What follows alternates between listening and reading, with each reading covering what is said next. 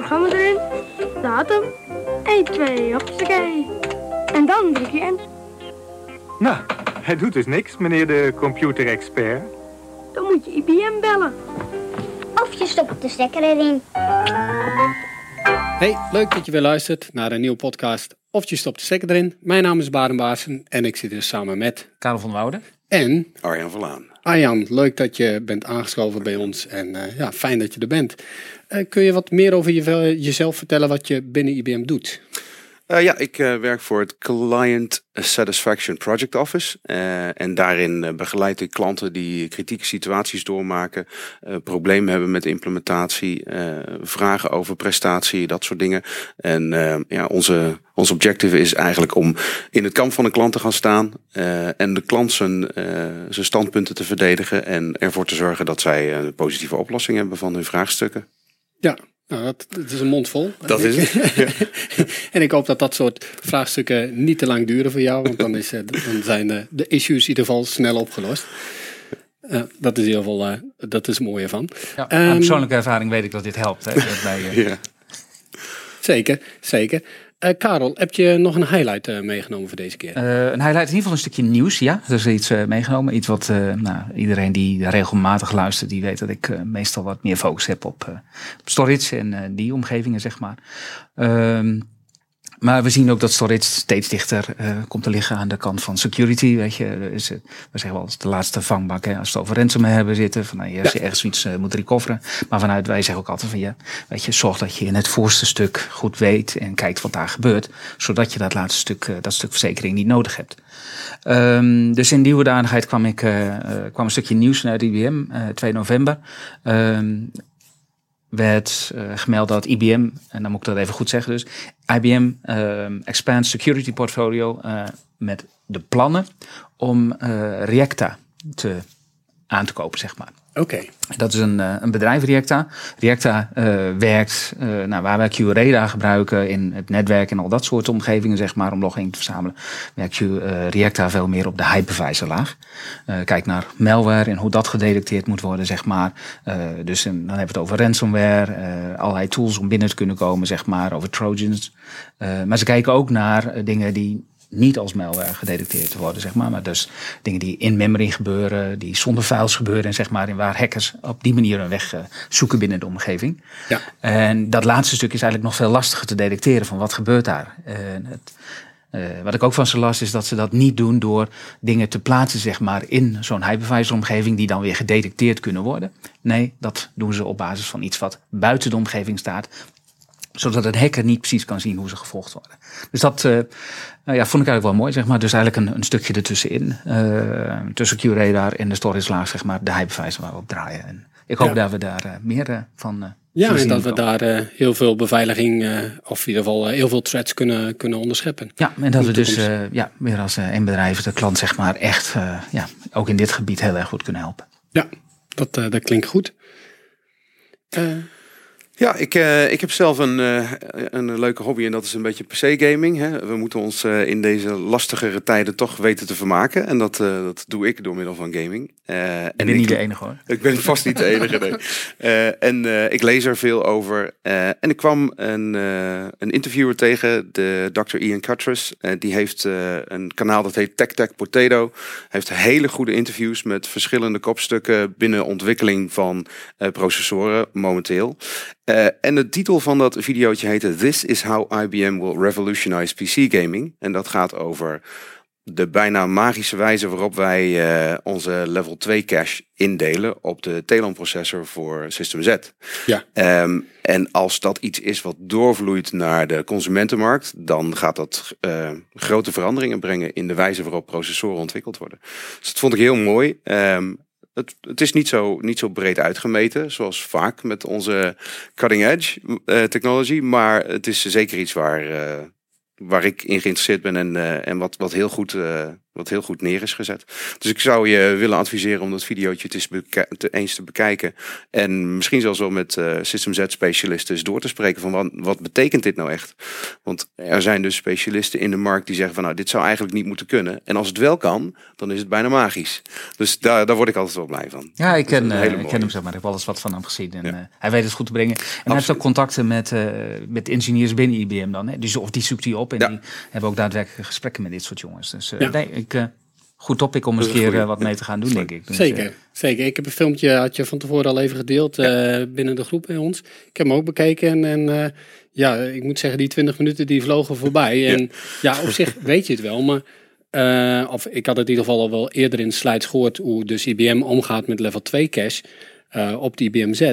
Maar je had het niet zo bekeken dat het eh, ook veel beter uit kan pakken. Bijvoorbeeld alle Intel en AMD processors. Als die gewoon anders met hun cache omgaan. Of het op een verschillende manier gaan delen. Ja, op zich zeggen we nu misschien vage dingen voor de luisteraars. Maar mijn advies is echt gewoon, kijk even naar het filmpje. Ja. En voor ons, eh, kijk Karel eventjes aan. Is het misschien een idee om iemand van IBM Z hier aan te laten sluiten? Of iemand van ja, IBM ik denk Power. dat ik wel, eh, wel iemand weet eh, met wie we dit eens gaan eh, bespreken. Kijken of Ja. hij geïnteresseerd is in, in wat zijn ideeën daarover zijn, zeg maar. Ja. En eens kijken of we daar in een podcast wat meer mee kunnen gaan. Zeker. Het wordt waarschijnlijk wel een technische podcast. Maar ja, als je het filmpje fantastisch vindt, Ja. luister dan zeker ook later naar Ja. deze podcast. Ja. Het is Arjan, zeker dankjewel. geen gemakkelijke materie. ehm, maar ik denk dat eh, als, je het, als je het goed uitlegt wat eh, level 1, 2, 3 en eh, in ons geval ook 4 cache is. ehm, dat je de, de voordelen en de, en de enorme sprong die genomen wordt hierin echt wel gaat zien. Ja, nee, dat zeker. En dat is ook een stukje wat ik daarvan eh, van opgepakt heb.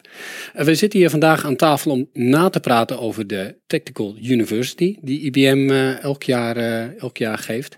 Eh, is een heel mooi evenement voor IBM'ers zelf, eh, voor, voor eh, businesspartners, maar ook zeker voor klanten. Absoluut zeker voor ons. Ehm, we hebben hier al eerder aan tafel, het eh, gaat over Think, IBM Think. Maar eh, de IBM TechU, waar we nu over gaan hebben, dat zijn toch meer de diepere technische sessies, als ik het even heel kort eh, kan, bes- kan dat beschrijven. op die manier goed is. Er zijn absoluut ook high-over sessies. Dus er is een architectural, nou als ik dat goed zeg, maar dus een speciale track uh, voor uh, architecten, zeg maar. Om ja. te kijken van, hey, hoe werkt dat en waar moeten we aan denken en waar denken andere klanten aan. Dus daar gaan ook allerlei sessies over.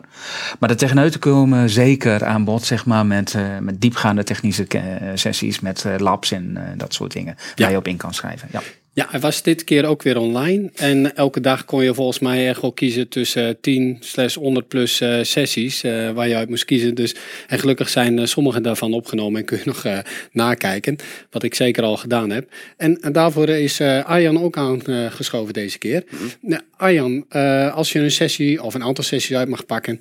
Wat is dan degene waarvan jij zegt van hey, dat vond ik echt interessant of heeft mij in ieder geval getriggerd? Ik vond de, de leukste en dat is, ik ben natuurlijk een, een iemand die zich voornamelijk op het storage vlak beweegt. Uh, ik vond Flash Futures, What's Coming, uh, vond ik echt de beste. Daar uh, zat Brent. Brent is een STSM, dus een Senior Technical Staff Member echt een vakidioot, als we dat, die term mogen gebruiken. Hij is gewoon gek op zijn vak en hij kan het met heel veel passie vertellen. En hij gaf een mooi, een mooi inkijkje in wat er gaat komen en wat de ontwikkeling is over de laatste jaren. En, en daar zitten wat roadmaps bij. Um, helaas is deze specifieke sessie niet middels een replay nog terug te kijken. Dus als je hem terug zou willen zien.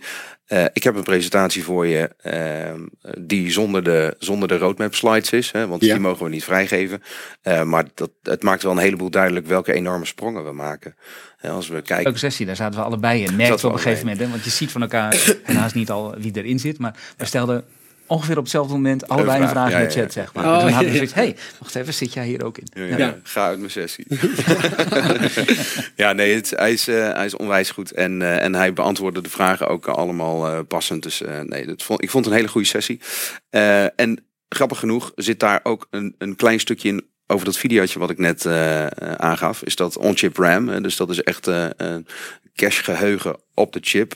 Die staat zeg maar ook daarin vermeld. Uh, en als je kijkt naar uh, de density en latency, hè, dus, dus de, um, hoeveel ruimte je hebt op on-chip RAM, dat is minimaal. Uh, latency is ook minimaal. en, en onze hoofdmode van storage is momenteel NAND. en dan hebben we het over factor 100.000 voor de latency en factor 10.000 voor de density. Dus 10.000 omhoog En latency 100.000 omhoog. Dus dat zijn wel mooie dingen. Dus, en, en dat gaat denk ik ook ehm, de, de, de, het belang van een, het hebben van een grotere level 1, level 2 cache eh, verder benadrukken.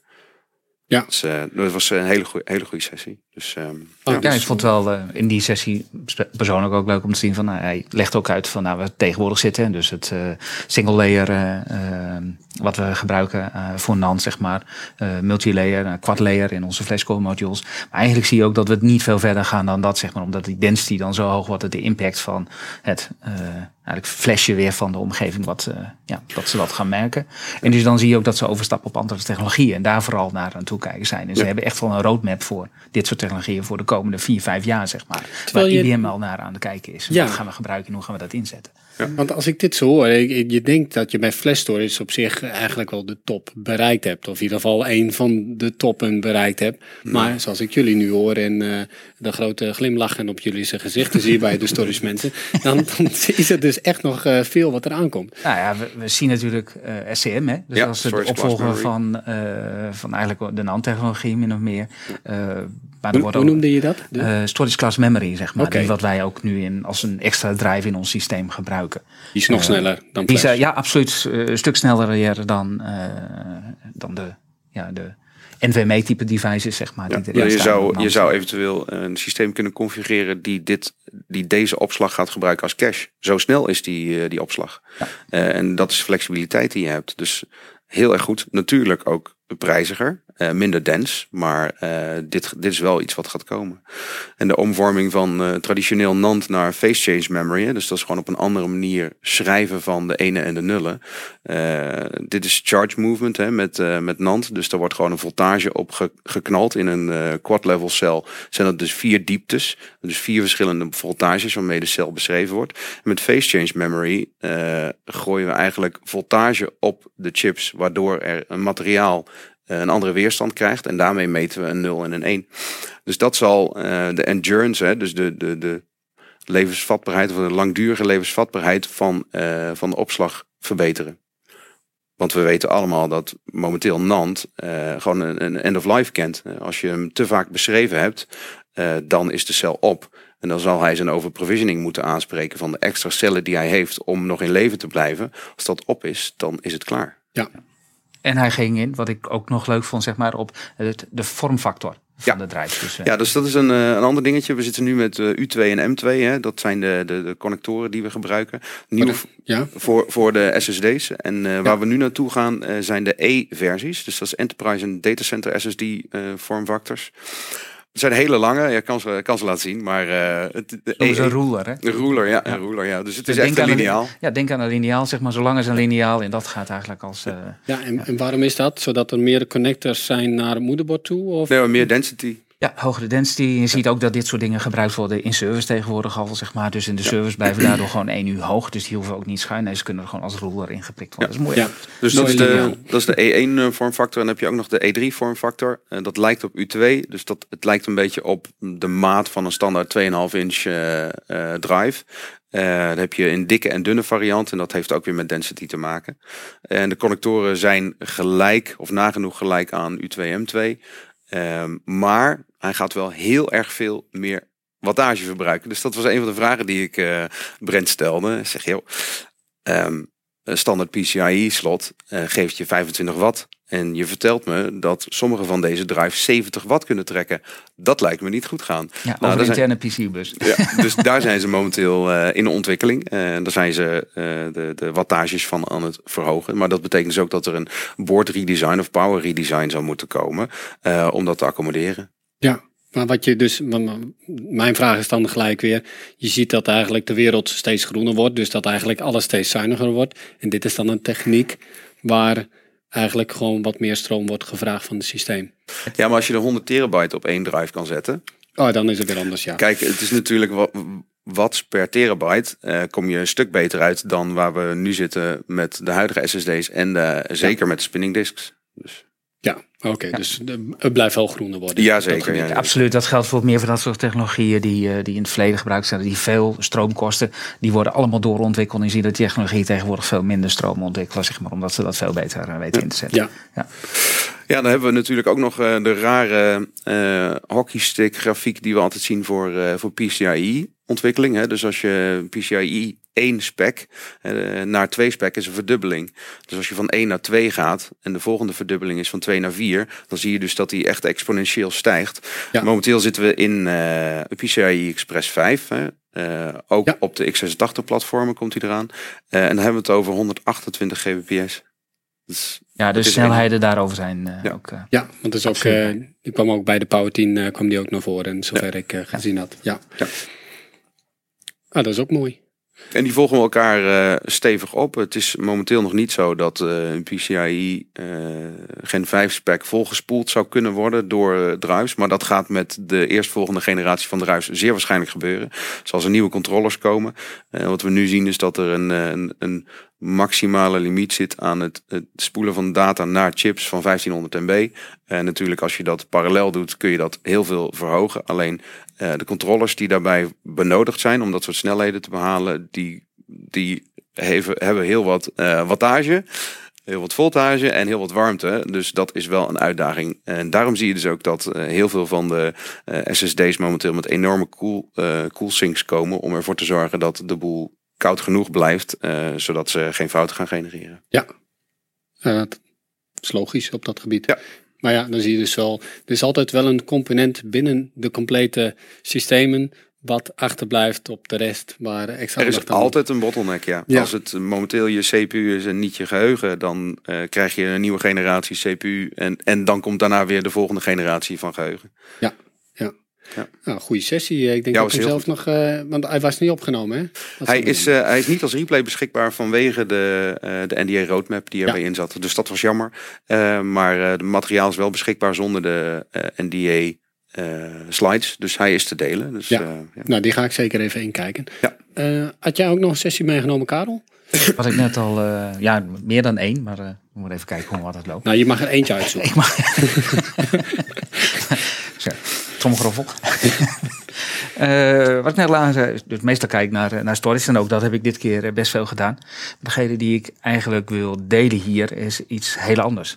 Ehm, lijkt een beetje op, eh, of tenminste, eh, heeft wat raakvlakken met wat, eh, wat Arjan net, eh, net al aangaf.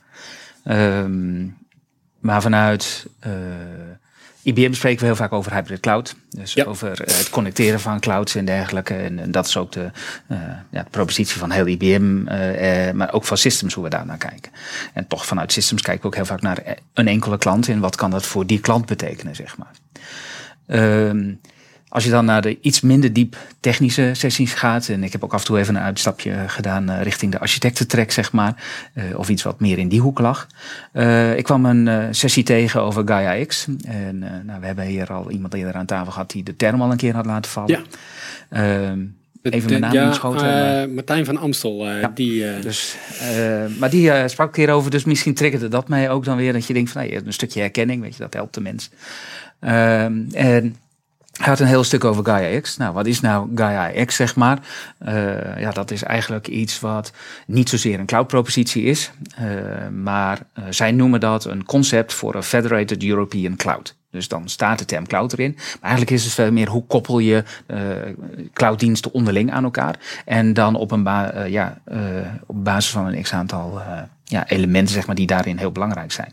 Oh, het is dus geen softwareproduct of een... eh, Nee, het is meer een, een concept, een, een, manier van samenwerken en dergelijke. En het eerste wat hij zei is, ja, om dit te kunnen doen, want dat vond ik ook wel leuk. En, en dat lijkt ook meer op de nieuwe ontwikkelingen, technologieën. Dus er zijn een aantal technologieën die van belang zijn om zoiets te kunnen ontwikkelen.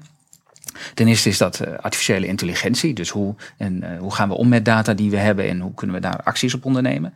Eh, het heeft natuurlijk de cloud en de verschillende cloudstructuren die we hebben. Dus dan hebben we over IBM Cloud, Amazon Cloud, maar ook over private cloud. En hoe koppelen we dat aan elkaar, zeg maar. Dus connectivity is heel erg van belang. En ik geef ook aan, ja, 5G is daar weer van belang. Weet je wel, niet alleen maar de clouds, maar ook edge computing of Internet of Things is van belang in dit hele grote concept, zeg maar. Dus het gaat veel verder dan dat. Hij zegt zelfs robots zijn van belang. Dus autonome eh, dingen die autonoom eh, reageren op iets, ja, die moeten weer voorzien worden van data. En eh, ja, koppelen we aan elkaar. En Ja. dan niet van één leverancier of van één klant, nee, van veel meer dan één klant. En daar gaat het hele stukje verder, reed het cloud over. Van, nou, we stappen veel verder af in, in hoe gaan klanten in de toekomst dan met elkaar om. Wat wij klanten eh, nu een klant noemen, kan voor een andere klant een leverancier zijn, zeg maar. Dus dat Ja. was het, he- is zijn concept min of meer. Eh, degene die hierover sprak is trouwens eh, Ulrich Walter is dat. Dat is een System Technology Architect van IBM. Dus hij keek uiteindelijk ook met een, uiteindelijk met een IBM-pet ernaar van, nou, wat doen wij daar nou voor? Ja. Ehm, maar Gaia X, ja, het, uiteindelijk is dus een, een overkoepelende ja, manier van denken op, eh, gebaseerd op de Europese standaarden van hoe gaan wij om met security. Dus dat is echt heel erg van belang in het geheel. Hoe gaan wij om met de soevereiniteit van data? Dus wie beheert de data in het geheel, zeg maar. Dus dat is absoluut van, van belang daarin. Dus zaken als compliancy is allemaal geborgd eigenlijk in dit project. En dat wordt allemaal op basis van ja, vaste definities neergelegd. Van zo gaan we dat doen. Ehm, en eh, ja, daar op die manier kunnen klanten dan met elkaar eh, praten en, en eh, ja, data uitwisselen. En ja, toen dacht ik van ja, maar hoe werkt dat nou? Want hij spreekt dan vrij over. En op een gegeven moment kwam hij met een voorbeeld van nou, dit zou je kunnen gebruiken als een voorbeeld. En dan zegt hij, aan de ene kant heb je eh, de leverancier van data. En hij zegt, de leverancier van data is jij of ik of wie dan ook die in een auto rijdt. Jij levert dan data aan zoiets in een project. En de afnemen van deze data, zeg maar, kunnen de, eh, kan de groepering zijn die de stoplichten aanstuurt. Of die daarmee bezig is. Ja. Maar dan denk je, ja, de auto kan niet rechtstreeks zijn data doorgeven aan zo'n partij. En hoe zorg je nou dat dat ook helemaal, ook daadwerkelijk goed is gekaderd? Dat er geen persoonsdata eh, wordt overgestuurd en dergelijke. En daarvoor zijn zij. En daarvoor gebruiken zij dus allerlei policies en mogelijkheden. Dus zo'n auto geeft dan uiteindelijk de data door aan een bedrijf, zeg maar. Dus BMW geeft het door aan het, de BMW-gebruiker geeft het misschien door aan BMW zelf. Die heeft daar al een, een, afstemming over gehad, weet je. Ondertekend, jij mag mijn data gebruiken. Dus dat heeft de klant dan ondertekend. BMW die zegt, ik pak die data in. Dit is een voorbeeld, ik zeg niet dat BMW meedoet, maar gewoon eh, IBM's en BMW-rijders zeggen we wel eens. Dus vandaar misschien dat dat eh, bij mij naar voren komt. Maar die pakt dat dan in, die anonimiseert dat eh, de, het stuk data. Ja. En die geeft dat dan door aan de volgende partij, zeg maar. Dus degene die de stoplichten aansturen. Ja. En die doet daar dan weer dataverwerking op dat stuk. Ja, en uiteindelijk stuurt dat de stoplichten aan van hé, hey, er komt een auto aan, ik moet op groen bijvoorbeeld. Dat is een heel laag een concept, maar je ziet dat daar meerdere partijen in zitten. En ja, waar de ene eh, een afnemer ooit was, is het nu ineens een, een leverancier van data. Dus dat is eigenlijk heel grappig. En dan zien van hé, hey, we kijken niet alleen meer naar clouds. Nee, we kijken eigenlijk hoe kunnen we de clouds en de data onderling delen, zeg maar. En daar komt uiteindelijk, als je dan zegt van waar komt systems vandaan? Nou, de manier van het delen van data en dat op een secure manier. Daar kan, dus security, Red Hat, embedded. Ja, dus daar geeft hij aan van nee, daar zit. En die nieuwe ontwikkelingen zijn heel vaak op basis van containers. Dus IBM denkt hierin mee en is een van de grote partijen van hoe kunnen we dat op die manier doen, zeg maar. Eh, eh, maar ook alle andere eh, objecten van ons zitten daarin. En dit wordt, wordt niet gedaan om direct heel veel geld mee te verdienen, zeg maar. Het wordt echt neergezet en het wordt ook echt gefund vanuit Duitsland bijvoorbeeld. Dus ja, het is ook niet raar dat uh, Ulrich Walter erin zat. Van, ik begreep dus dat Duitsland iets van 180 miljoen euro in dit project heeft gestoken om het te laten draaien. Ja. Dus er staat ook echt wel wat achter. Ja. Ja, ik, eh, ik moet ook eerlijk zeggen, ik heb, eh, vroeger heb ik bij een gemeente gewerkt, een aantal jaren. En daar zag ik ook al dat er, eh, er zijn natuurlijk heel veel persoonsdata wat, wat uitgedeeld wordt eh, onder de gemeentes. En je, je zag ook al dat de beveiliging daarin heel hoog was om ervoor te zorgen dat die data niet overschreven werd eh, en hoe dat aangeleverd werd en dat soort dingen. En ik pak de voorbeeld er even bij, omdat je ziet dat er steeds meer gaat gebeuren op dit gebied. Je gaat steeds meer data met elkaar uitwisselen. Ja. En het is niet meer tussen uh, hele grote partijen, zoals gemeentes onderling. Uh, nee, het wordt steeds kleiner. Het wordt steeds makkelijker. En dan is het natuurlijk heel goed dat er zo'n concept klaar ligt om te helpen daarin en te kijken van hey, hoe zitten we daar met security en hoe gaan ja. wij die data met elkaar uitdelen, zodat we na de tijd niet boos op elkaar uh, kunnen worden. Ja. Nou, toevallig uh, heb ik uh, een andere sessie gevolgd van Sam Werner. die was wat meer op high level. Dat heette Solving Business and Technical Problems Today and Tomorrow. En die gaat er ook op in, waarin we de, de, ja, de cloudification, hè, dus dat we allemaal naar hybrid cloud constructies gaan, geeft een enorme complexiteit voor wat betreft data housing. Dus hoe ga je je data beschermen? Waar ga je het laten? Um, voorheen waren alle processen zo ingericht dat ze op lokaal, hè, op, op uh, on-prem eh, traditionele IT-infrastructuur draaide. En al die processen dienen ook allemaal omgevormd te worden. Met alle beveiligingsrisico's van dien. Eh, dus alles what we know now is untrue tomorrow eigenlijk. En dat is, eh, het was een hele goede sessie. Eh, en ik vond het ook wel grappig dat, eh, of grappig, ik vond het mooi dat wij eh, in diezelfde sessie ook aanhaakten dat we de safeguarded copy op Spectrum Virtualize, dus op onze Spectrum Virtualize stack momenteel hebben. Dit is de technologie die ontwikkeld is op de high-end storage infrastructuur, dus DS. En dat is nu dus ook in Spectrum Virtualize beschikbaar. Niet alleen lokaal, maar ook in de cloud. Dus Spectrum Virtualize voor de cloud. En daar kun je dus immutable copies neerzetten. En we weten denk ik allemaal wat er in de afgelopen weken in het nieuws is gekomen qua ransomware en grote problematieken voor sommige Ja, eh, van onze klanten. ja. Ehm, en, en dit is echt wel een, een hele mooie toevoeging aan het portfolio van Spectrum Virtualize. En, eh, een product dat heel veel gebruikt wordt in de markt. Eh, als, we, als we dit breder in kunnen zetten, denk ik dat we heel veel meer bescherming kunnen bieden voor onze klanten en voor de data die ze hosten. Ja, zeker weten.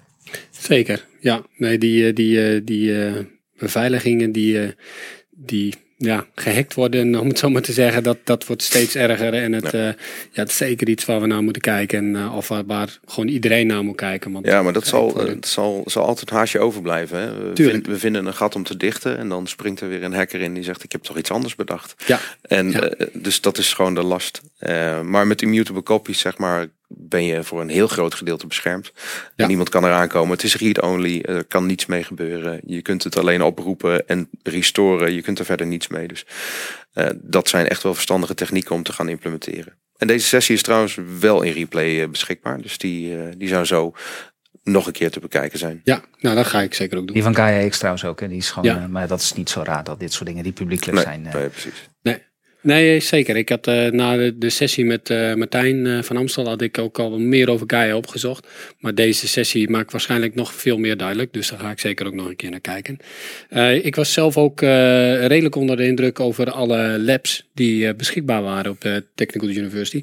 Er zijn natuurlijk technische mensen en we willen liefst achter de knoppen zitten de hele dag. En niet luisteren naar iemand, maar lekker zelf doen. dus dat heb ik zeker ook gedaan. Ik heb een aantal labs gedaan voor de Technical University. En dan kreeg ik gewoon een computer uh, ter beschikking, virtueel natuurlijk. Mhm. Mm. En uh, ja, ik heb wat zitten spelen op, uh, op OpenShift, wat natuurlijk een heel mooi product is van, van Red Hat. Als je, want jij hebt het gedaan, maar ik neem ja. aan dat dus iedereen die zich ja, op zo'n TechU heeft ingeschreven, ook mee kan doen aan dit soort labs. In ieder geval ja. zich ervoor kan inschrijven. Hè? Ja, dus dat betekent ook voor een volgende keer, mocht je inschrijven voor de Technical University en je wil echt hands-on gaat doen, dat die mogelijkheden er ja, zijn. Ja, er waren verschillende labs uh, beschikbaar. Uh, ja, ik ben nu wat meer actief op uh, Power. Dus ik heb echt gezocht naar Power Labs. maar was voor storage was er beschikbaar. Voor IBM Z waren dingen beschikbaar. En dan, dan kom je gewoon in een, in een ruimte met, met, met klanten of met businesspartners of met andere IBM'ers. Krijgt iedereen een idee toegekend en een mooie beschrijving en een, en een computer. Iedereen apart.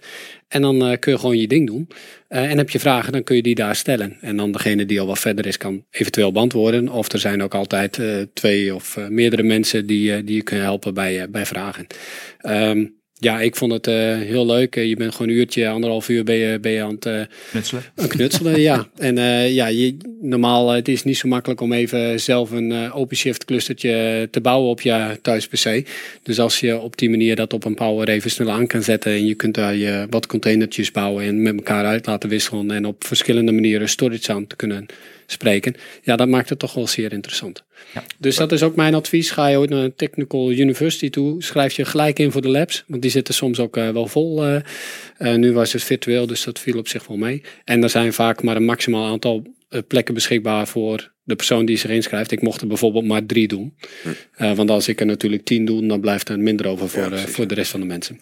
Maar uh, ja, als je echt uh, fysieke Technical University, wat we natuurlijk hopen dat weer gaat komen, daar zijn ja. ook uh, absoluut labs waar je ja, aan kunt schuiven. En ja, die in het verleden ook gedaan. Dus ja, dat, zeker aan te bevelen. Zeker. Zeker als je gewoon vragen hebt over het product, kun je daar ook gelijk doen. Dus dat is zeker aanbeveling. Ja. Ik zie ook dat we wel redelijk uit onze tijd lopen. Dus ik, uh, ik wil hem hier graag ook mee, mee afsluiten. Ja. Uh, Arjan, uh, dankjewel voor je technische inzicht. je ging nog dieper op de materie in dan ik, dan ik had verwacht. Sorry. Dus ik, ik ga de dingen zeker nog naluisteren. En, en ja, dankjewel daarvoor. Graag gedaan. En eh, ja, de input die je gegeven hebt, eh, die, die geeft ook wat, eh, wat nieuwe informatie voor een volgende podcast. Dus daar gaan we ook zeker wat mee doen. Um, dankjewel weer. En uh, Karel ook weer bedankt. Ja. En uh, ik trek hierbij de stekker er weer uit. En tot de volgende podcast. Bye.